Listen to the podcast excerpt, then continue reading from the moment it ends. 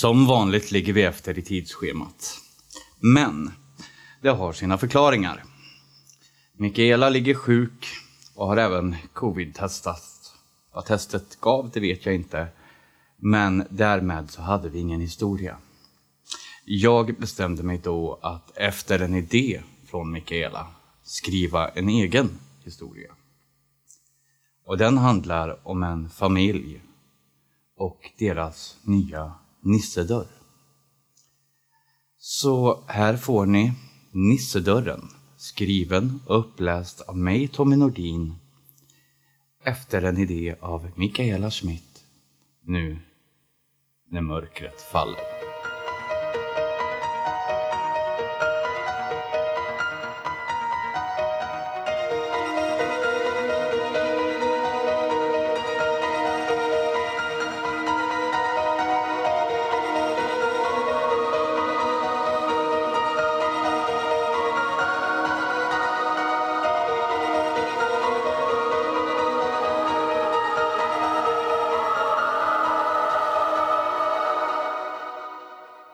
Det ser mycket större ut än på bilderna, sa Anders medan han stampade av sig snön från sina svarta kängor samtidigt som han öppnade den röda ekdörren till det stora huset.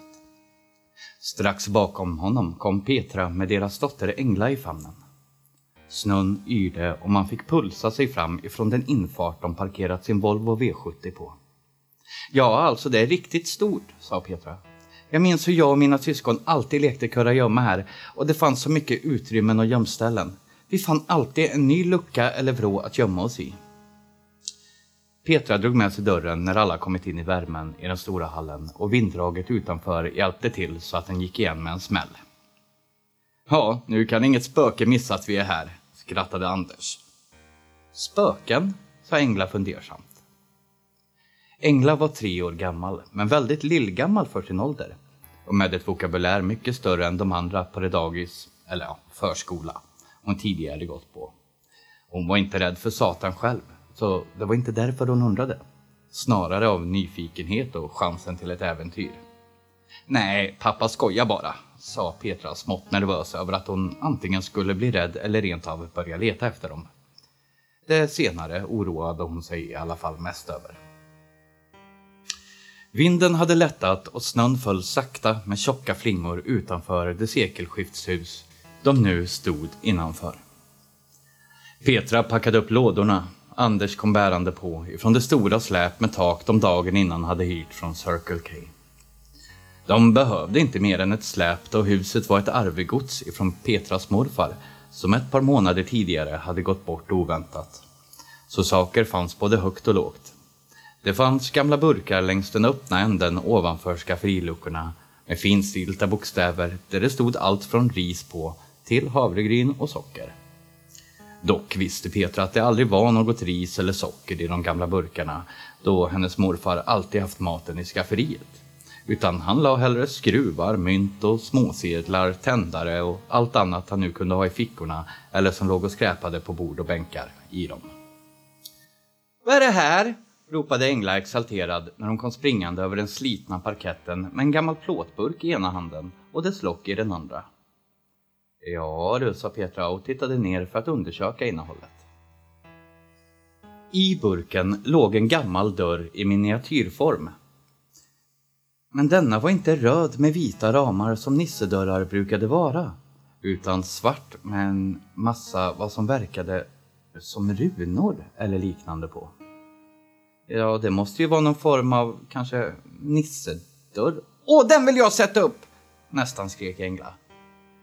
Petra kände en obehaglig känsla av dörren, men hur skulle hon kunna neka sin älskade dotter någonting så simpelt som att sätta upp en liten dörr? Men Engla, är det inte bättre att vi sätter upp våran gamla nissedörr? Du vet den röda, den borde ligga någonstans här i lådorna. Nej, jag vill ha morfars! skrek Engla, nästan argt. Så blev fallet. Anders kom in och tittade på dörren och tyckte snarare den var häftig. Grävde fram lite häftmassa och satte upp dörren tillsammans med Engla i vardagsrummet bredvid en gran de hade grävt fram ur gömmorna medan de plockade upp, opyntad och sned. Engla tyckte nissen skulle ha gröt också, så de fick att utan pardon spara en tallrik vid kvällsmaten och ställa utanför den lilla svarta dörren. På kvällen när hon låg i sängen efter att ha nattat Engla frågade Petra lite oroligt till Anders. Får inte du också en obehaglig känsla av den där konstiga dörren? Va?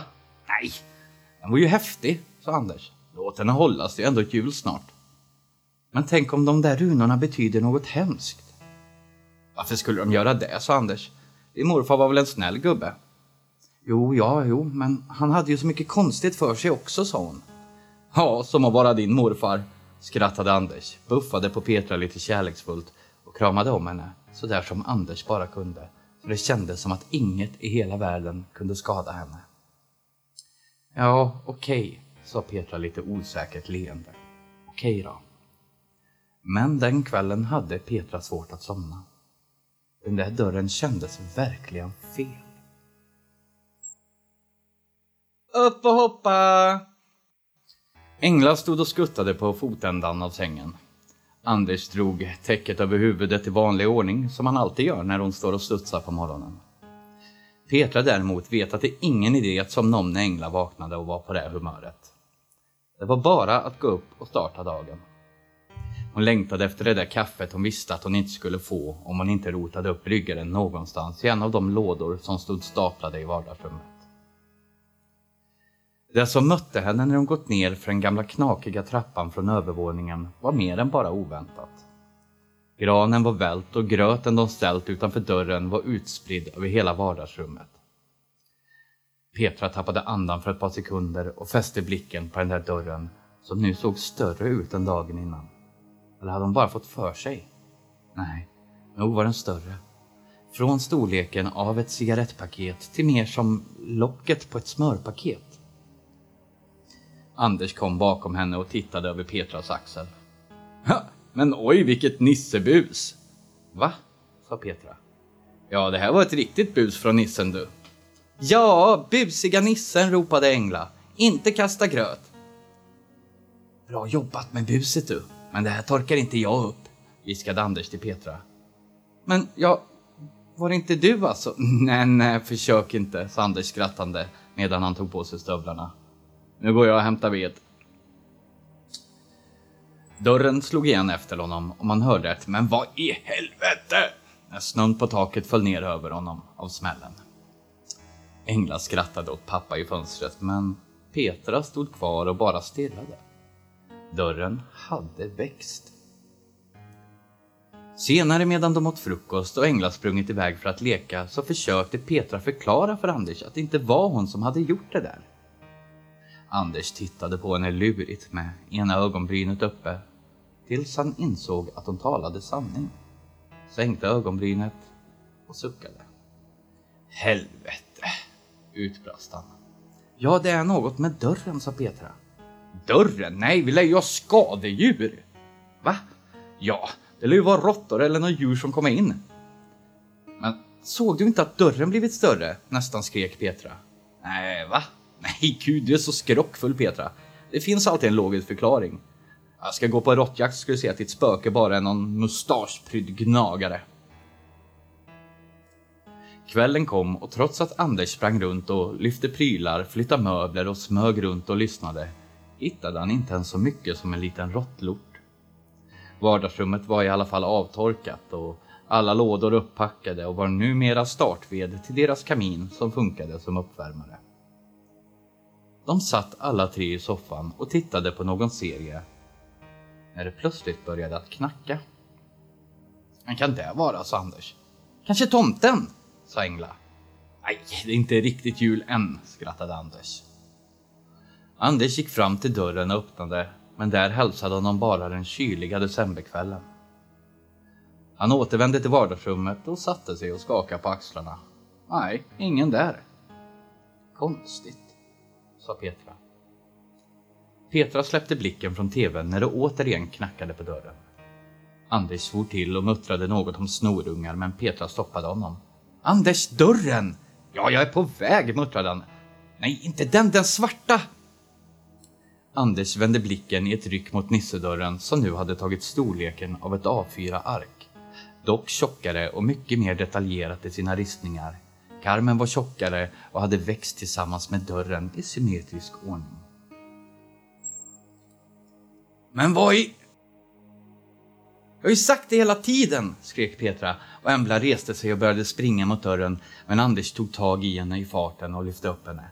Rör inte nissen, han är min vän, skrek hon hysteriskt och Anders och Petra såg chockat på henne medan hon försökte sprassla sig ur hans armar. Nisse? Vem? Va? Ja, medan ni har hållit på att packa och jag lekt med nissen. Vi har gjort massa saker ihop. Han sa att jag ska få hälsa på honom snart, han ska bara få dörren större. Dörren större, sa Anders. Hur då? Han sa att den kommer att växa och mer och mer och mer fram till jul. Jo, det, det kan vi se, sa Petra. Anders, gör något! Anders gav över Embla till Petra som fick hålla i med all sin kraft medan han gick fram till dörren och försökte slita av den från väggen. Den vägrade röra på sig. Han rörde vid dess handtag och brände sig ordentligt. Anders svor den längsta ramsan i sitt liv, sög sig på tummen och gick med bestämda steg ut i hallen och barfota ut i vedboden hämtade han sin yxa. Här ska det inte vara några jävla dörrar som växer, skrek han och svingade yxan mot karmen på dörren. Slaget fick yxan att flyga av skaftet och landa på golvet. Men det var inte det enda som hände. Runorna började glöda, dörren började knaka och växa ännu mera. Knackandet som varit lugnt förut började eskalera och slog i varenda golv, tak och vägg i hela huset nu. Handtaget vreds om på dörren sakta tills den med en smäll flög upp. Där de såg gjorde ögonen sprängfyllda av tårar. Isningarna i ryggen steg och innan de visste ordet av hade de alla slängt sig i bilen på gården och med brevlådan vid infarten flygande av smällen som släpet slog iväg den med när Anders backade ut flög deras bil fram på landsvägen. De såg aldrig mer tillbaka. Men någon som stod vid ytterdörren som blåste och small mot väggen såg dem.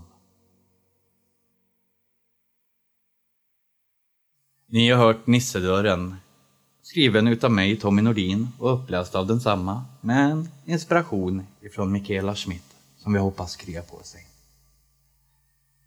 Jag vill önska alla er en god jul och hoppas på att ni kommer att ha det underbart bra i jul. Med eller utan nissedörr. För vem vet vad som händer med den nu när mörkret faller.